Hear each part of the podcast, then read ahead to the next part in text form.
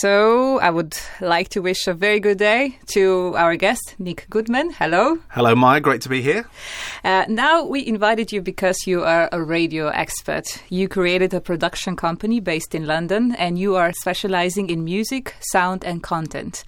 Uh, you work with different radio stations in UK, Europe, and also around the world, and you are trying to advise them, particularly in the morning content.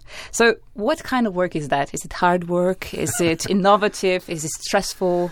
Uh, it's hard, innovative, stressful, all of those. But most importantly, it's it's fun. I always believe that you should uh, have fun in what you do, and if you can have fun in your work, uh, then you will probably do good work because you're enjoying it more. How much do you learn? Like, let's say per year. I learn new stuff every day. So I work with some fantastic radio stations around Europe, around the world, and every day I find out new things, interesting things that people in radio are doing in different territories and you never stop learning. You never stop learning. So yes, it's great to be uh, to be billed as a as an expert in uh, in radio, but uh, I I really consider that I never stop learning about radio and, and how it changes, and that makes it an exciting industry to continue to work in.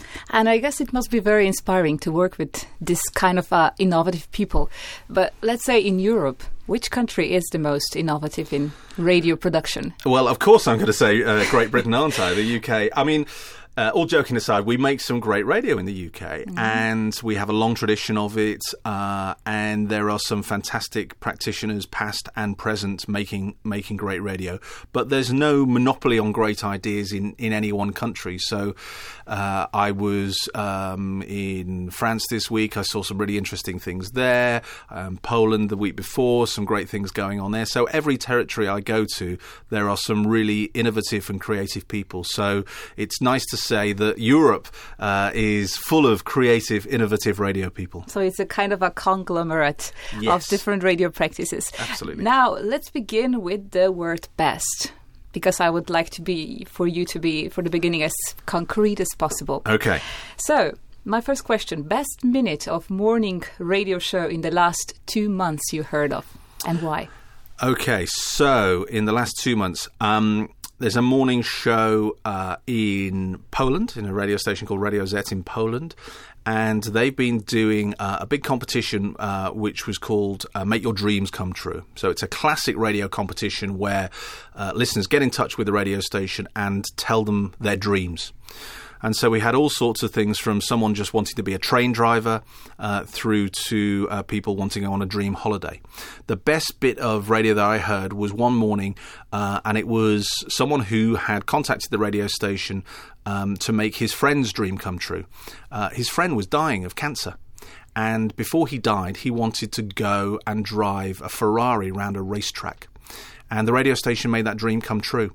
And it was emotive, it was storytelling, it was tear jerking, it was a fantastic bit of morning radio. And so sometimes in the morning, you don't always have to make people laugh, you can tell stories and be emotional with the content too. So that was the best two minutes of radio I'd heard in the morning recently. I actually felt it too. Good. now, the second best, the best radio interview you've heard in 2016 and why? Best interview. Well, I'll I'll I'll cheat a little bit on this and, and, and group them all in together. There's a program um, on BBC Radio Four, which is one of the longest running uh, format shows on the BBC, uh, and it's called Desert Island Discs. And Desert Island Discs is hosted by Kirsty Young, and the format of the show is really simple. If you were stranded on a desert island, what eight discs, what eight records would you take with you to, to listen? And essentially, it's a, an hour long interview which tells the story of somebody's life um, and their history and how they became famous uh, and the pieces of music that were important to them. And so it's almost like being in the psychiatrist chair when you listen to these interviews because they're very personal and music is a significant part of everybody's life. And so if you had to pick your eight records, I'm sure they would be very different to my eight records, for example. So all of those interviews are superb. So I'm going to lump them all into one. And I would encourage anybody to who's who's interested in the art of interviewing to listen to Kirsty and how she does it on Radio 4 and Desert Island Discs. So, is the music here in this show actually in the first plan, or is it more about live? So it's it's a it's an interview show where the music is uh, an integral part of it, but it's more about the person's life, etc. And they pause for the next bit of music and why it's important. So if you're telling the history of someone's life, there might be a song which was important in their formative early years, etc. Uh, that says something about them, and it's interesting how the records that are chosen almost reflect the personality of the uh, uh of the people being interviewed. If you, for example, go for, to such an island, can you survive without a radio? Well, the the the interesting thing is uh, the format. On the format, they say you're allowed one luxury item on your desert island. What would your luxury item be? And people choose, you know, pianos and guitars and this, that, and the other.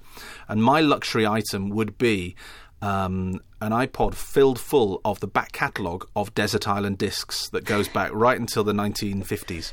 Uh, because I think you find out more about humans and human nature and life from listening to that show than any other radio show I can think of. I will think. I, I, will. I will listen to that. Now, the third best, best innovative radio or did a radio digital practice or solution you've come across in 2016.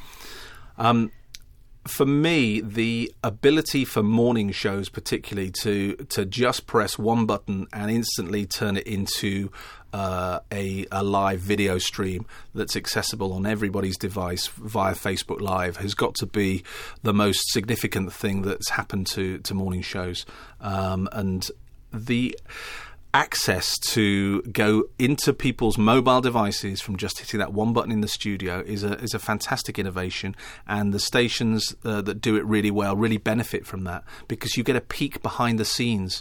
It's like we're pulling back the curtain and you can see into the studio.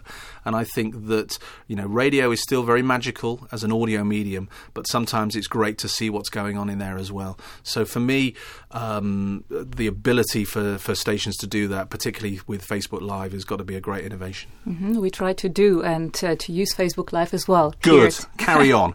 so and now the the best. Uh, I mean the last, the fourth best best news radio format you've heard or come across in 2016. So one of the biggest challenges for radio news is, uh, and radio in general, is targeting younger people and younger audiences. Uh, and I do some work with BBC World Service, and um, the World Service is a, a phenomenal um, uh, operation, and it uh, reaches many, many millions of people around the world with BBC content every day.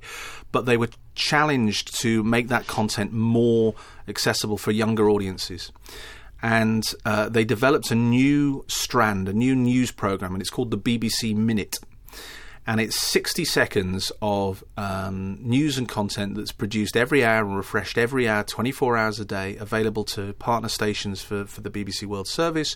And the format is completely different to, to anything you've really heard. It's very conversational, it's very short to the point, it covers all the main stories, um, but it's delivered in a style and produced in a style which is um, very disposable. Uh, it's almost like a kind of uh, an audio version of something that would appear on your newsfeed that you would read and you just kind of flick on from. So for me, the uh, that particular program of taking uh, that news format and making it very targeted for young people is a is a great news format that's uh, uh, and a new innovation for them as well. Nowadays, I guess it must be a very crucial challenge how to tackle the young audience. Do you have like any specific tips or formulas? How to how to gather them, how to make them attracted to radio. For example, we are also asking ourselves whether now we try to catch them over the social media, but will this the same audience in the social media will also be our listeners in the future? Yeah, I mean, I think you know, don't don't think of uh, if you're trying to target younger listeners, don't think of it just making radio. We've got to make interesting content and some of that will be on the radio, and some of that will transfer and be visual, uh, and some of it will talk about on the radio, but actually it won't be radio content that people go there for. It will be the content that we've produced that we've talked about mm-hmm. on the radio. So actually, targeting young people is less about um, saying, "Hey, we've got a great radio program, we want you to listen to it." It's about making sure that we make great content, and that content is multi-platform and multi-dimensional and interactive, and all those other things the end of the day, it's got to be interesting, and it doesn't matter what innovation you you you put on it and what platform it's on. If it's boring and it's not relevant to the life of a young person, they're not going to be engaged with it, whatever platform it's on. So make it interesting. So in the future, I guess, so we won't be having such a traditional radio followers anymore. Well, I think there is still a uh, important role that radio plays because over the years, fundamentally, radio hasn't changed. It's the communication between somebody behind the microphone and a listener. And uh, that's a very personal communication. And yes, there's lots of technological changes and innovations, but people are still interested in other people. And I think ultimately that's what radio brings. It brings that closeness of conversations or topics or debates directly into into your ears. So uh, I think radio still has a strong future, um, and of course it adapts all the time, and it has over the last hundred years or so, um, and it will continue to adapt. But I'm I'm positive about the future for radio. This question will really be like a cliche, but I would really like to hear your answer. What what is the actual power or strength of a radio? Uh, intimacy the intimacy of radio. And you know, I experienced that as a uh, as a young boy, where I was probably 10, 11 years old, and I'd stay up and listen to a late night radio show, and I'd hide under the bedclothes with the little headphones in my in my ears and pretend to be asleep when my parents came in, because I felt that the the broadcaster was talking to me. And I think the power of radio is that one to one communication. Uh, and it's something very special which uh, no other media can really replicate. So for me, the intimacy of radio is its uh, its USP. Now, I also ask myself sometimes whether, as a good radio host, do you need to imagine a specific listener in front of the radio or with some kind of a digital gadget in the ears and so on, and how to absorb then an average listener and to communicate yeah. with all of them? It's a good question, and I think it's really important to understand who you're talking to. Um, because only if you really understand who your listeners are can you really shape the content to make it relevant and relatable to them. So, if it helps, absolutely draw the profile of your target listener. Every radio stations have targets, and uh, who is your target listener? Create a profile for that uh, that target listener. Who are they? Understand their life. What role does radio play in their life? For us who work in radio, we think it's the most important thing in our lives um, or one of the most important anyway. For many people who live regular lives, doing regular jobs, radio forms a small part of their life. It's not as important. So, how do we make sure that when they engage with the radio station, uh, it's uh, it's really relevant to them? So, I think understanding who your listener is is absolutely vital. What makes a good radio host? Uh, you've got to have something good to say. I think that there was an era in radio where you just had to have a good voice, and you'd get these uh, lovely. Um, chocolatey brown voices on the radio, and it would all be about the voice, but actually what they had to say perhaps wasn't as interesting. And I think we've moved on from that.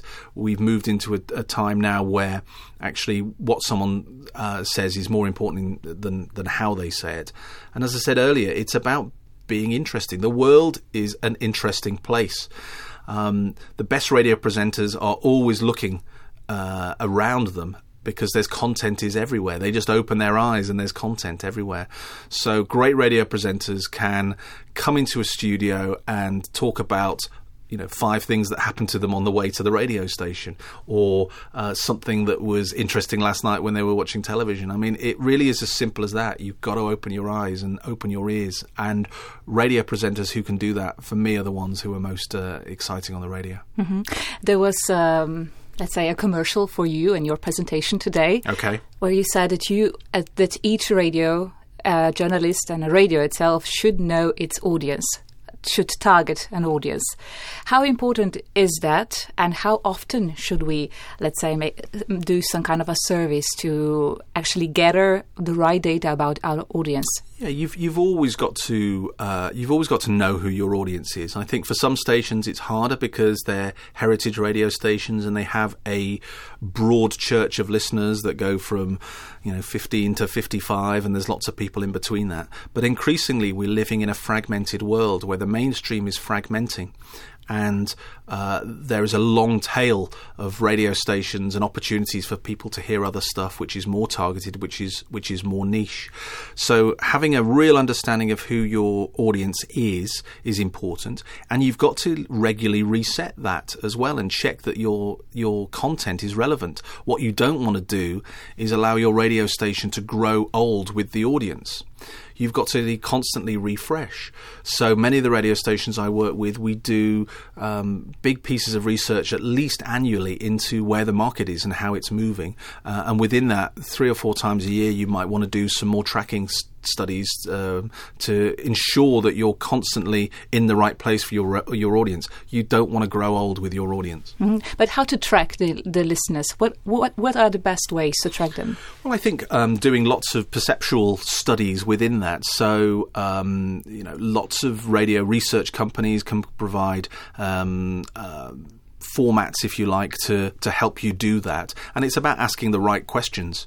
You know, uh, is this radio station still relevant to you? What do you think about this? What do you think about that? Getting a lot of opinions. I'm also a big fan, it have to be said, of uh, of focus groups and talking to your listeners. So wherever I've I've worked, I've always tried to have sessions with listeners, either in a in a more formal focus group or in a more informal kind of listener panel where you come in, you chat about the radio station. You know, when was the last time a radio presenter sat down with a bunch of listeners and talked about their show?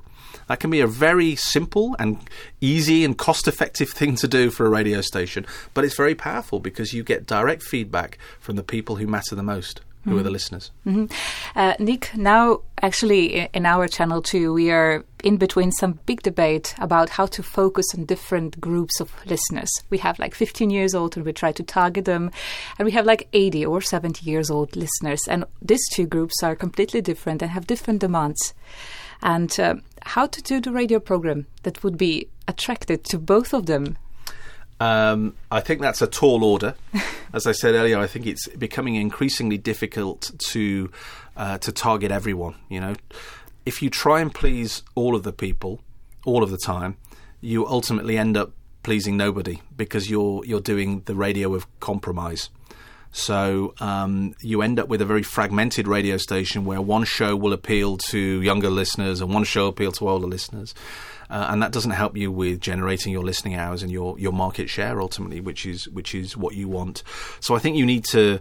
Uh, my view was would be rather that uh, you would you'd need to sit down and go, okay, where is the core of our listening? We need to make a choice. Are we going to go for 15 to 30 year olds? Are we going to go to 15 to 40? Or is this a station aimed at 20 to 45? Or is it a little bit older? Are we targeting 45 to 65? Or, you know, that's got to be a choice that somebody has got to make that fits in with the strategy of the overall group. And that applies to any radio station, uh, let alone yours. Mm-hmm. Yesterday, I listened to a very interesting interview with some newspaper journalist on our radio. And he said that in our heart we still should we should still be journalists like this craftsman, you know, being good workers, uh, being able to write a good article, a good report, and so on. But nowadays, in the ra- this radio era, we are somehow tough, somehow bombarded with different social media. We try to be on Twitter, on Snapchat, uh, we try to go on Facebook, uh, we try to make video, and so on, and all this in one person. What will happen with the future radio journalist if there will be such a, uh, don't know, multi, yeah. multi personality? Yeah, absolutely. Well, it's interesting because when I um, talk to young people who are getting into the industry now, um, my first piece of advice I always say is is you've got to be multi skilled.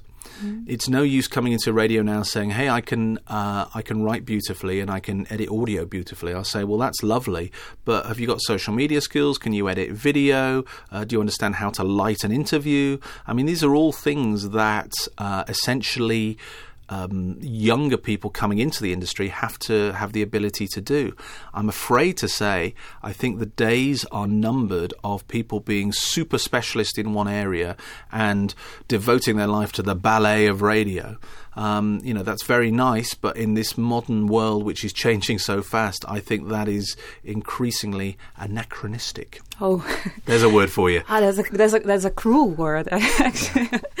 uh, Nik Goodman, uh, another question. Um, sometimes I ask myself bet- uh, about the difference between the podcast industry, radio industry, and the radio industry itself. many times I listen to different podcasts, and there is a very complex and structure. Uh, let's say um, way of making such a feature, and what is the right balance or in the some radio program between this very complex features on one hand and a, a, a live online talk show. Sure, yeah. Um, um, podcasts and, and live radio are, are two different animals, if you like. Um, I think with a podcast, you've got to remember the first thing is that uh, people have voted almost to listen to uh, to that. It's a very active thing. You've chosen to download it and you've chosen to listen to it. So, sorry. So therefore, the um, the format within that can be um, a little bit more complex, or you can have a little bit more room to breathe within that. I think for a live radio show, particularly, it has a uh, it has to have a little bit more focus to it. It has to move and has to have a certain pace to it. Um, so I think they are they are two different things. Yes, they're both audio entertainment, but they are two different art forms in a way. And actually, I think the way in which you produce podcasts and the way in which you produce live radio programs are something entirely different. Mm-hmm, but how much of each should be in, let's say, one radio program per day? Uh, I'm not sure I fully understand the question that you're pushing me on here. Give me another, give me another clue on that one. For example, is it, let's say, too disturbing to do an overproduction of certain features and to put them in the program one after the other? For example, today is the Thursday on our channel, and mm-hmm. there is a lot of a lot of production, mm-hmm. and some other days we have a lot of live conversations. So, how much production is still okay that is yeah. not disturbing too much? Yeah, I think um, the key word I would use here is balance you know and certainly when you have a radio station you want to make sure that the output is balanced in many ways. Uh, so there's a consistency to that uh, that every time someone's turning on, they're getting a flavour of that radio station and it ebbs and flows. But ultimately, there's a balance to it. If I'm getting one day which is very, very production heavy and there's lots of features and lots of benchmarks and lots of things which are packaged, and another day there's more of a softer flow and there's you know lots of live interviews and discussions. Uh, for me, that sounds like the radio station doesn't have uh, as much balance as it should. So I always try and look for balance in in radio. For you as a listener and also a radio expert, how much talking is too much talking? Well, if I'm a radio expert, I should turn my phone off while uh, uh, while this is uh, we while have this good, is inter- we have good sound on. sound effects. Yes, sorry about that. Uh, how much talking is too much talking? Um, there's no definitive answer to that. The fact is that uh, it's got to be interesting. So I've heard um, morning shows, for example, uh, that can do 10 minutes of talking without playing a record. And I've been transfixed. I've been compelled to carry on listening because it's interesting, it's engaging, it's drawn me in with storytelling. Uh, and likewise, I've heard um, radio presenters do 60 seconds and it's rubbish they're telling me nothing. It's not structured. It's not entertaining or anything. So there's no right and wrong answer, which is how much is is, is too much in terms of talking. As long as it's interesting.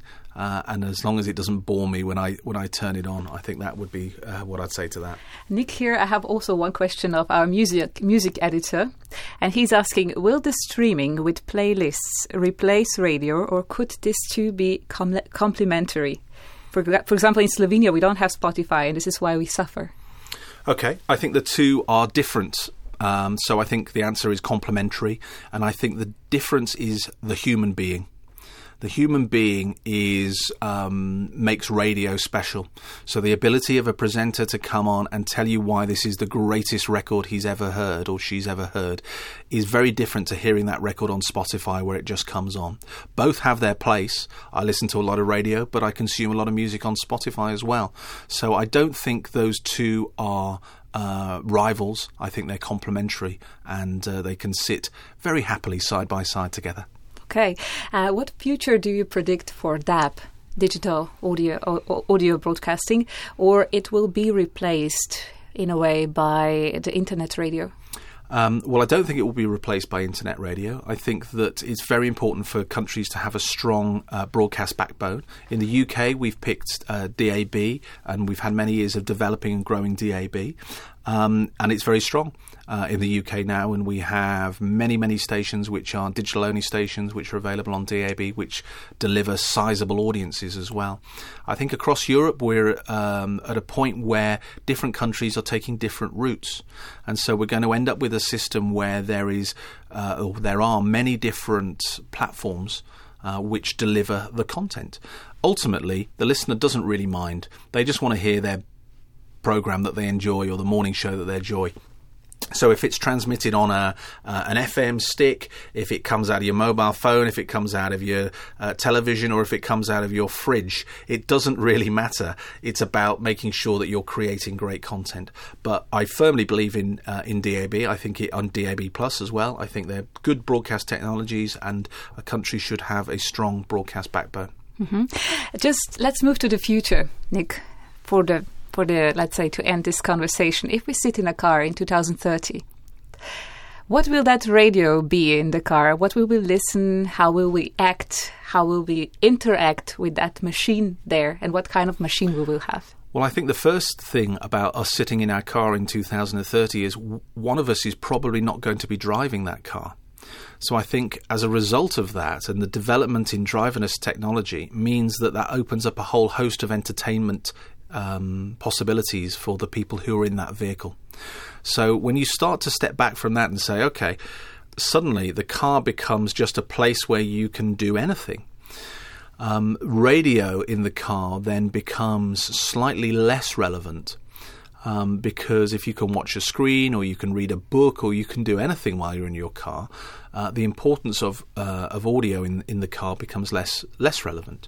So I think that radio has to fight hard to maintain its place in the dashboard somewhere and on the uh, on the ecosystem of, of car entertainment. For example, I know that there are about uh, 57 people who work for Spotify who are employed in making sure that Spotify gets into the car's ecosystem of the cars moving forward. So when you realize that many, many companies are investing a lot of time and money to make sure that they're getting the attention uh, in cars, radio has to do that as well as an industry. Um, so in 2030 in our car, uh, I'd like to think that radio is one of the options that you can have, but there will be a myriad of entertainment options. Now it's my sound effect. you see, we are fully radio professionals that neither of us have turned on off our mobile phones uh, uh, before this interview. So uh, that shows how good we are but uh, this is like a let's say a live conversation. Exactly. Um, thank you very much, Nik Goodman, for being our guest here at the Radio Slovenia Channel Two. Just last remark: today you're having a presentation at the Festival Forward. Some crucial points you would like to stress about your presentation, about the main ideas you would like to focus on. Well, i will be talking about uh, radio and the connected listener and the importance of um, the radio industry understanding the revolution that's taking place with within entertainment and how radio needs to continue to adapt to survive. Uh, so that's one of the uh, one of the main thrusts of my presentation. I'm looking forward to it, and thank you very much. My pleasure.